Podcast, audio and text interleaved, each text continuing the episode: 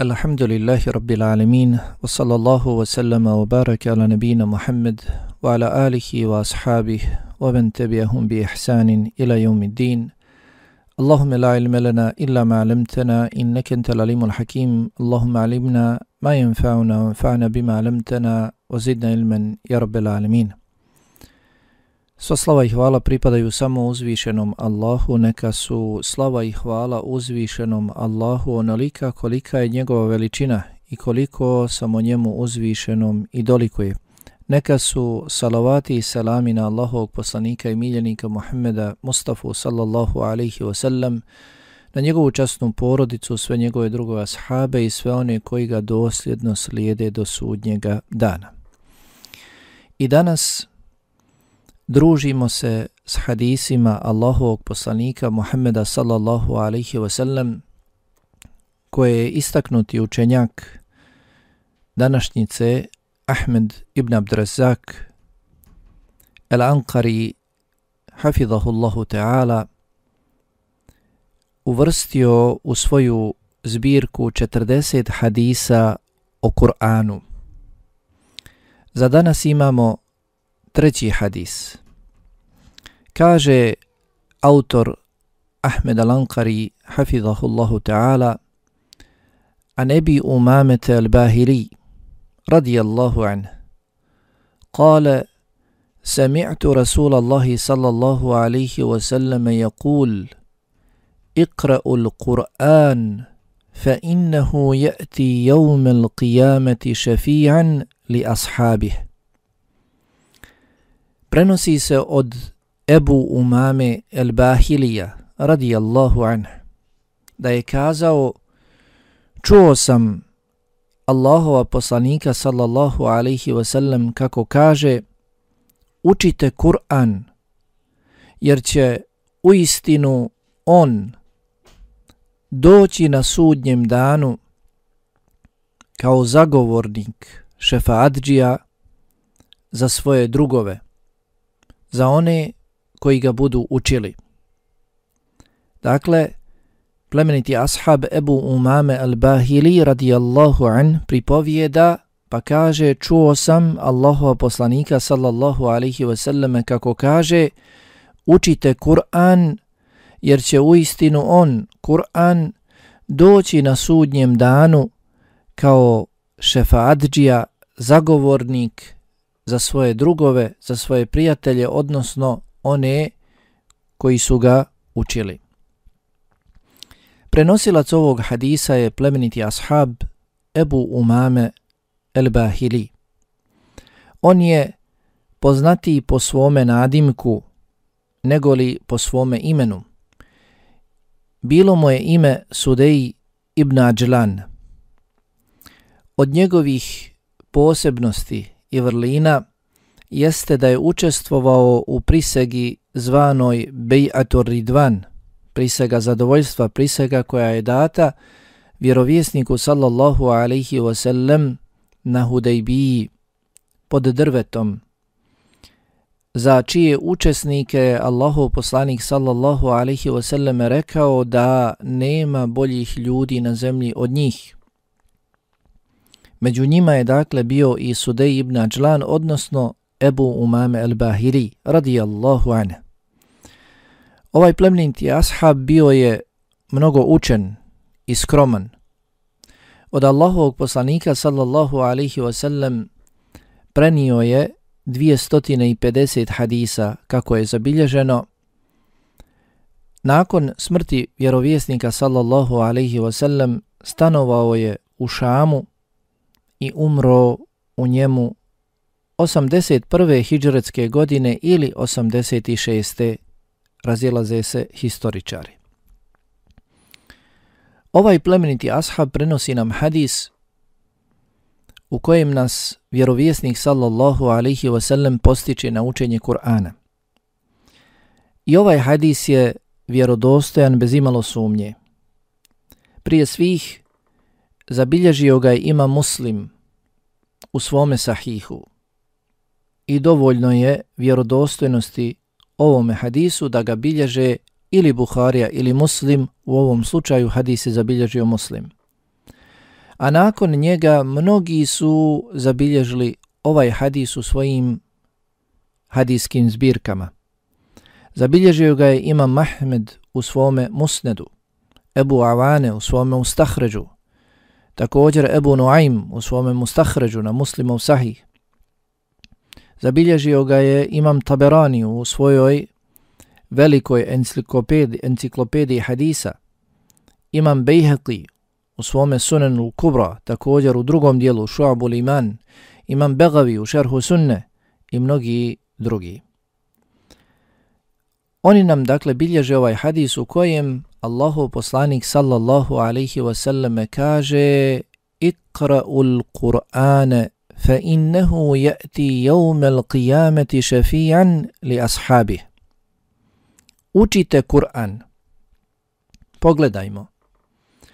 Allahu poslanik sallallahu alaihi wasallam kaže učite. Naređuje nam učenje Kur'ana. Naređuje nam učenje Kur'ana. A zasigurno ono što je korisno, to se i naređuje. Ne samo preporučuje, već i naređuje.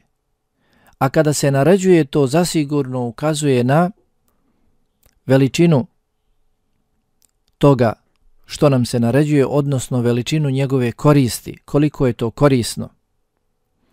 Pa poslanik sallallahu alihi wa ala alihi wa sallam ovdje kaže učite Kur'an, ikraul Kur'an, učite Kur'an. Naređuje nam učenje Kur'ana općenito u svakom vremenu, u svakom stanju. Nije ograničio pa rekao učite Kur'an tada i tada. Ujutro ili naveče ili posle namaza. Ne, već kaže ikraul Kur'an, učite Kur'an odnosno učite što je god moguće više. Nije ograničio, preporučio učenje Kur'ana u jednom vremenu, već je rekao općenito, odnosno iz ovih njegovih riječi sallallahu alaihi wasallam zaključuje se da je preporučeno da se Kur'an uči mnogo u svim situacijama, svim stanjima. Učite Kur'an Kur'an je Allahov govor. Allahov govor kojim je uzvišeni Allah govorio i on ga je preko meleka Džibrila, najodabranijeg meleka, objavio svome najodabranijem poslaniku, pečatu vjerovjesnika i poslanika Muhammedu sallallahu alaihi wasallam. Objavljivao ga je 23 godine. Kur'an počinje surom El-Fatiha i završava se sa surom En-Nas.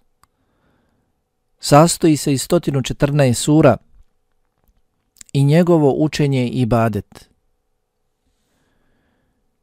Dakle, uzvišeni Allah subhanahu wa ta'ala objavio je govor kojim je on govorio. Kako je tekla objava, uzvišeni Allah je govorio, Melek Džibril je slušao Kur'an, zatim je Kur'an dostavljao Muhammedu sallallahu alaihi ve sellem. Kako uzvišeni Allah i kaže, وَإِنَّهُ لَتَنْزِيلُ رَبِّ الْعَالَمِينَ نَزَلَ بِهِ الرُّوحُ الْأَمِينَ عَلَى قَلْبِكَ لِتَكُونَ مِنَ الْمُنْذِرِينَ بِلِسَانٍ عَرَبِيٍ مُبِينَ I Kur'an je sigurno objava gospodara svjetova, donio ga je. Došao je s njim povjerljivi Džibril, povjerljivi Džibril Ruh. Jedno od imena imali smo do sada govor o ovome, jedno od imena Džibrila jeste Ruh. Zašto Ruh? Zašto duša? Upravo zbog toga što je došao s Kur'anom koji je Ruh, koji je duša za naš život. Ne možemo živjeti bez Kur'ana donio ga je povjerljivi Džibril na tvoje srce, o Muhammede, da opominješ kako bi bio od opominjača na jasnom arapskom jeziku.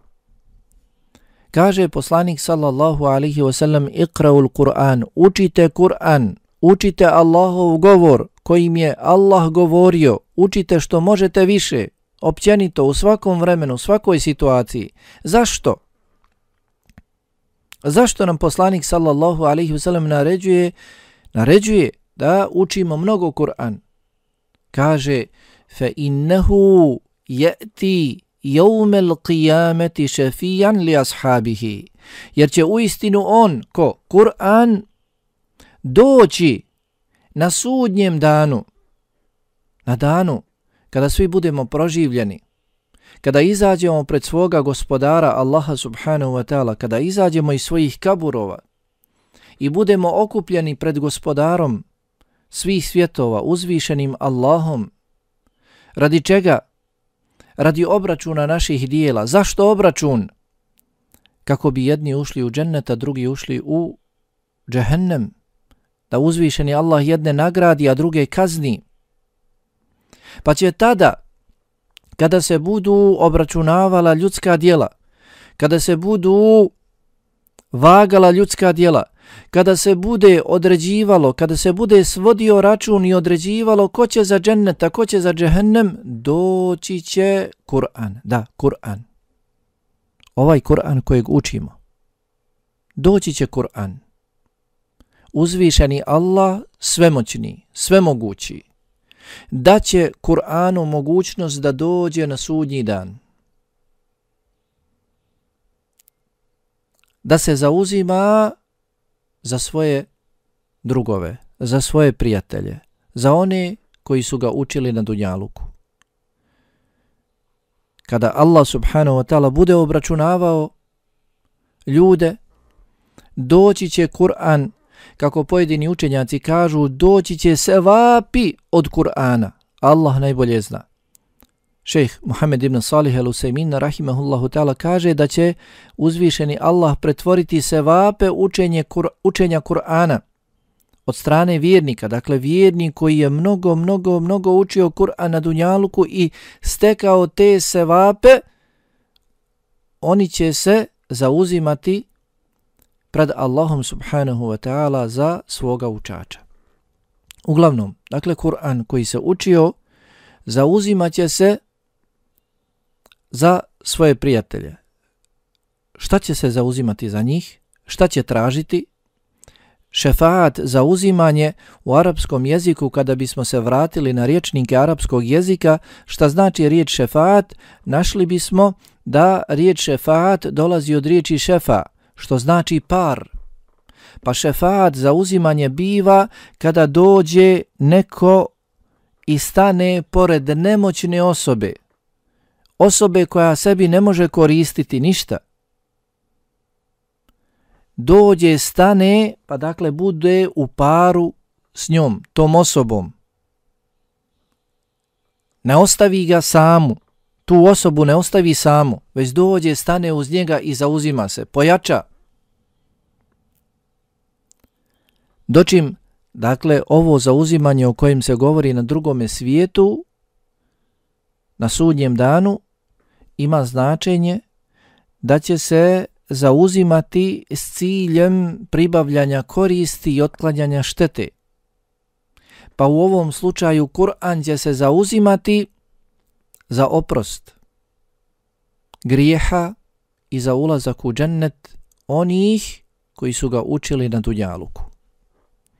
Međutim, kaže poslanik sallallahu alaihi wasallam fa innahu ya'ti yawm al-qiyamati shafi'an li ashabih doista će on Kur'an doći na sudnjem danu kao zauzimač i vidimo dakle došla je riječ u neodređenom obliku shafi'an dakle kao poseban zauzimač odnosno ovaj detalj ukazuje da će se zauzimanje ovog zauzimača, odnosno Kur'ana, primiti, prihvatiti, neće se odbiti. Jer je to poseban zauzimač, poseban šefadžija. Međutim, kaže poslanik sallallahu alihi wasallam li ashabi, li ashabi. Najčešće se ovaj hadis prevodi, zauzimaće se za one koji ga budu učili. Međutim, ko su to ashabul Kur'an?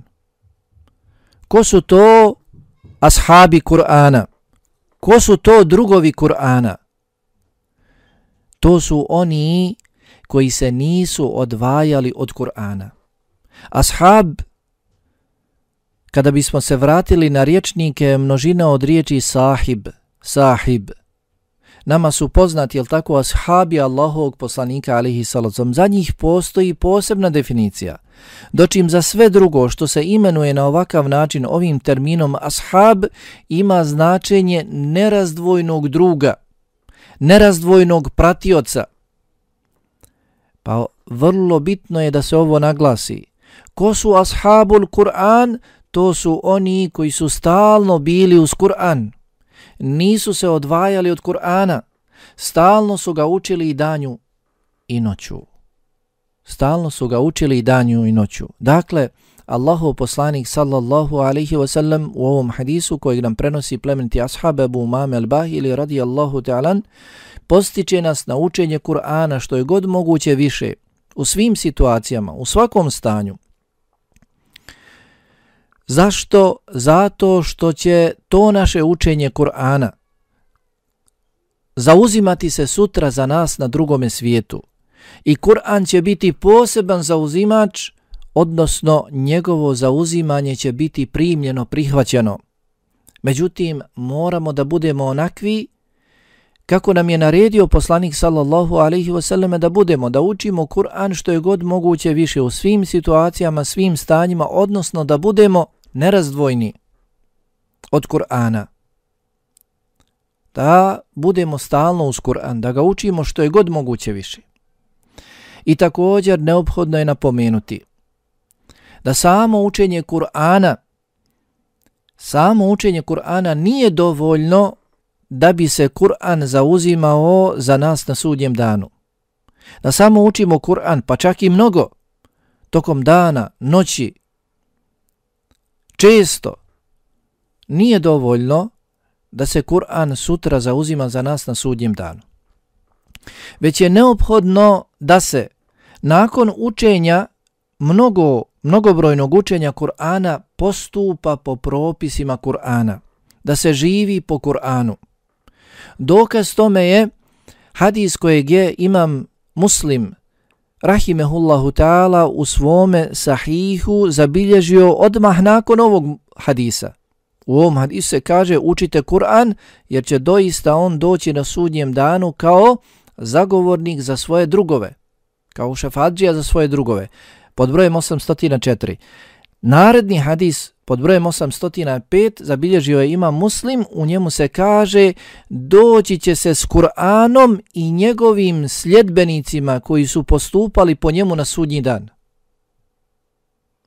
Šta kaže poslanik sallallahu alaihi wasallam? Kaže doći će se s Kur'anom i njegovim ehlom, njegovim sljedbenicima, alladine ja'melune bihi, sa onima koji su radili po njemu, doći će se na sudnji dan, doći će Kur'an i doći će njegovi sljedbenici, odnosno oni koji su radili po Kur'anu, pa će se Kur'an zauzimati za njih. Pa se jasno iz ovog hadisa razumijeva da onaj koji nije radio po Kur'anu, da takav nije sljedbenik Kur'ana. U hadisu se kaže doći će se s Kur'anom i njegovim sljedbenicima koji su postupali po njemu. Onaj koji ne postupa po Kur'anu, pa makar ga mnogo jučio, taj nije od sljedbenika Kur'ana. I za njega se Kur'an neće zauzimati. Kur'an će se zauzimati za one koji budu učili Kur'an mnogo i radili, postupali po njemu. Dočim oni koji budu učili Kur'an, a ne budu radili po njemu, ne budu živjeli po njemu, znali za njegove propise, ali ih bacali za svoja leđa, Kur'an se neće zauzimati za takve, već naprotiv, bit će dokaz protiv njih. Biće dokaz protiv njih. Pa ovaj hadis Allahovog poslanika sallallahu alaihi wasallam definitivno u sebi sadrži brojne poruke i pouke za nas. Hadis prije svega pokazuje brigu vjerovjesnika sallallahu alaihi wasallam za svojim sljedbenicima. Ne postoji nikakvo dobro a da nam Allahu poslanik sallallahu alaihi wasallam nije ukazao na njega. Niti ima ikakvo zlo, a da nas on nije upozorio na njega. Pa nas je vjerovjesnik sallallahu alaihi wasallam u ovom hadisu podstaknuo na najveće dobro. Na najveće dobro. Zatim, riječi Allahovog poslanika sallallahu alaihi wasallam iqra'ul Kur'an, učite Kur'an. Kao što smo čuli, došle su u obliku naredbe, imperativa. A poznato nam je da sve ono što nam se naređuje da je to od izuzetne važnosti i koristi za nas, upravo zbog toga nam se i naređuje stavlja u dužnost, u obavezu, da se toga pridržavamo, da u tome ustrajavamo. Zašto? Zato što je to i tekako korisno za nas. Stoga se iz ove naredbe zaključuje koliko je važno učiti Kur'an i koliku važnost Kur'an mora da ima u našim, u našim životima. Iz riječi Allahovog poslanika sallallahu alaihi wasallam iqra'ul Kur'an, učite Kur'an, zaključujemo da ono što ljudima koristi na dunjalku i na ahiretu i ono što popravlja ljudski dunjalku i ahiret nalazi se u Kur'anu. Jer je vjerovjesnik sallallahu alihi wasallam naredio da se uči Kur'an, dok nije naredio da se uči nešto drugo. Vjerovjesnik sallallahu alaihi wa sallam u ovom hadisu je rekao učite Kur'an. Nije spomenuo nešto drugo, da se uči, izučava, da se po njemu postupa, svoj život izgrađuje na tome. Ne, već je samo rekao učite Kur'an, iz čega se zaključuje da ono što nam je potrebno na ovome svijetu i sutra na drugome svijetu da uđemo u džennet, postignemo Allahovu milost, njegovo zadovoljstvo, da se to nalazi u Kur'anu. Kur'an nam je dovoljan za sve što nam je potrebno. Kao što je i uzvišeni Allah rekao, ma ferratna fil kitabi min šej. Mi u knjizi ništa nismo izostavili. Mi u knjizi nismo ništa izostavili u Kur'anu, ništa nismo izostavili od onoga što vam je potrebno za vaš dunjaluk i ahiret. Zatim vidimo iz ovoga hadisa da je potrebno da osoba kada nešto naredi ili zabrani, da spomene uzrok, da spomene mudrost, razlog te naredbe ili zabrane. Pa vjerovjesnik sallallahu alaihi wasallam nakon što je rekao učite Kur'an, poslije toga pojasnio je. Zašto? Jer će doista on doći na sudnji dan kao šefa Adžija za one koji ga budu učili, za svoje drugove. Pa kada nekome nešto naredimo ili zabranimo, obavezno pojasnimo zbog čega im to naređujemo ili zabranjujemo, jer je nakon pojašnjenja razloga ili čak mudrosti očekivati je da osoba kojoj naredimo ili zabranimo prihvati tu naredbu ili zabranu. Ko ne bi učio Kur'an kada čuje da će Kur'an doći sutra na sudnjem danu kao šefadžija za njega, Pa vjerovjesnik sallallahu alaihi wasallam nakon što je naredio učenje Kur'ana pojasnio je zašto nam naređuje učenje Kur'ana. Zato što će se Kur'an zauzimati za nas. Zatim u riječima Allahovog poslanika sallallahu alaihi wasallam doista će on Kur'an doći na sudnjem danu kao šefaadžija, kao zagovornik za svoje drugove, za one koji ga budu učili, U ovim riječima vjerovjesnika sallallahu alaihi wasallam nalazi se potvrda sudnjeg dana, istinto sudnjeg dana, potvrda proživljenja, potvrda obračuna ljudi, vaganja ljudskih dijela, nagrađivanja ljudi za njihova dijela, jeli? Jer kaže poslanik alaihi sallam, doće Kur'an na sudnji dan kao zagovornik da se zauzima da njegovi učači uđu u džennet da im bude da im bude oprošteno. Također Allahu poslanik sallallahu alaihi ve sellem sa ovim riječima Kur'an će doći na sudnjem danu kao zagovornik.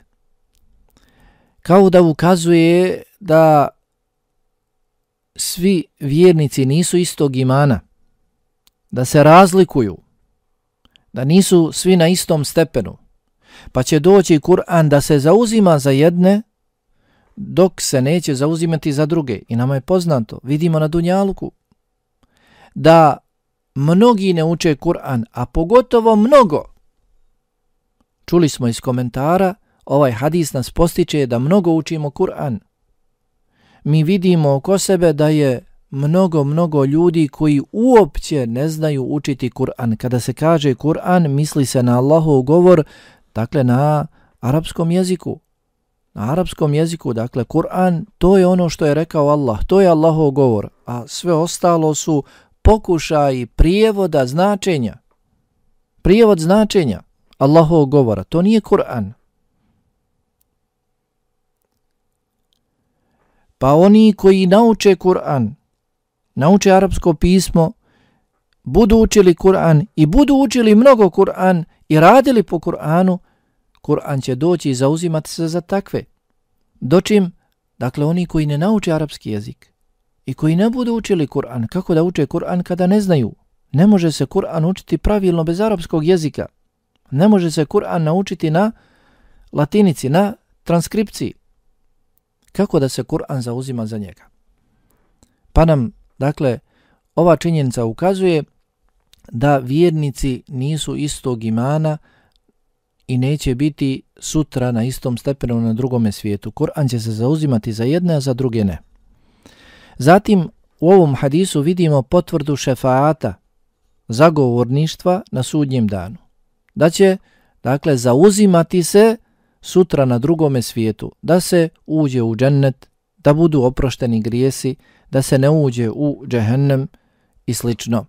U ovom hadisu se spominje zauzimanje Kur'ana za svoje učače, a u brojnim drugim hadisima Allahovog poslanika sallallahu alaihi wasallame spominju se jeli, i drugi zauzimači, druge šefaadžije, vjerovjesnici, meleki, dobri E, vjernici i slično. I također kroz hadise poslanika sallallahu alaihi wasallam spominju se situacije za koga će se također sve zauzimati o čemu e, više govore knjige Akaida. Ovaj hadis donosi radosnu vijest svima onima koji mnogo budu učili Kur'an, Za njih će se Kur'an zauzimati kod uzvišenog Allaha da im se oprosti i da uđu u džennet. Subhanallah. Allahov govor zauzimat će se kod Allaha, pa kako da se njegovo zauzimanje i ne prihvati? Kur'an je Allahov govor. On će se zauzimati kod Allaha. Kur'an, Allahov govor je potekao od Allaha i vratit će se Allahu zauzimat će se kod Allaha. Pa kako da Allah ne prihvati zauzimanje zauzimanje Kur'ana za svoje učače? Zato je i došlo šefijan, došlo je neodređeno, odnosno da se ukaže da je Kur'an poseban zauzimač. Pa hoćemo li hoćemo li se podučiti Kur'anu i hoćemo li mnogo učiti Kur'an s ciljem da se ovaj poseban zauzimač zauzima za nas, te da njegovo zauzimanje za nas i bude prihvaćeno sutra na drugome svijetu. Dakle, ovaj hadis nas postiče da mnogo, mnogo učimo Kur'an, da se okupiramo Kur'anom, da ne dozvolimo nikome i ničemu drugom da nas odvrati od Kur'ana. Neka nam Kur'an bude na prvom mjestu u našim životima. Kako kaže imam Nevi Rahimehullahu ta'ala, znaj da je učenje Kur'ana najbolji zikr Neophodno je da osoba ustrajava u učenju Kur'ana i danju i noću i kada je na putovanju i kada je kod kuće, ne smije ga proći dan, noć, a da ne uči Kur'an. Ovaj hadis nas indirektno postiče i na hifz Kur'ana, na učenje Kur'ana na pamet, jer osoba koja zna cijeli Kur'an na pamet ili zna mnogo Kur'ana, često će ga i učiti. Dočim ona osoba koja ne zna mnogo Kur'ana, proučit će jedan put, dva put ono što zna, ponoviti i tu će stati. Ali hafiz, osoba koja zna cijeli Kur'an na pamet, može mnogo, dugo da uči Kur'an. I također, kako bi očuvala svoj hifz, takva osoba ponavlja, obnavlja često Kur'an i samim tim mnogo uči. Zato, kako kažu učenjaci, cilj hifza jeste često učenje Kur'ana. Cilj hifza nije samo da se zapamti Kur'an i da se nosi Kur'an u svome srcu, u svojim prsima, već je cilj hifza Kur'ana, glavni osnovni cilj hifza Kur'ana jeste da se Kur'an mnogo uči, da se često uči. Također, hadis nas postiče i na izučavanje Kur'ana, na saznavanje njegovih propisa i rad po njima, jer je zauzimanje Kur'ana na sudnjem danu, na drugome svijetu za svoje drugove, za svoje učače, uvjetovano ne samo učenjem, već i postupanjem po njemu. Kur'an će se zauzimati za one koji ga budu učili i postupali po njemu, radili po njemu.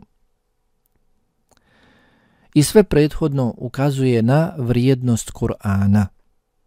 Jer se nigdje ne spominje da će se neka druga knjiga zauzimati za one koji je budu učili.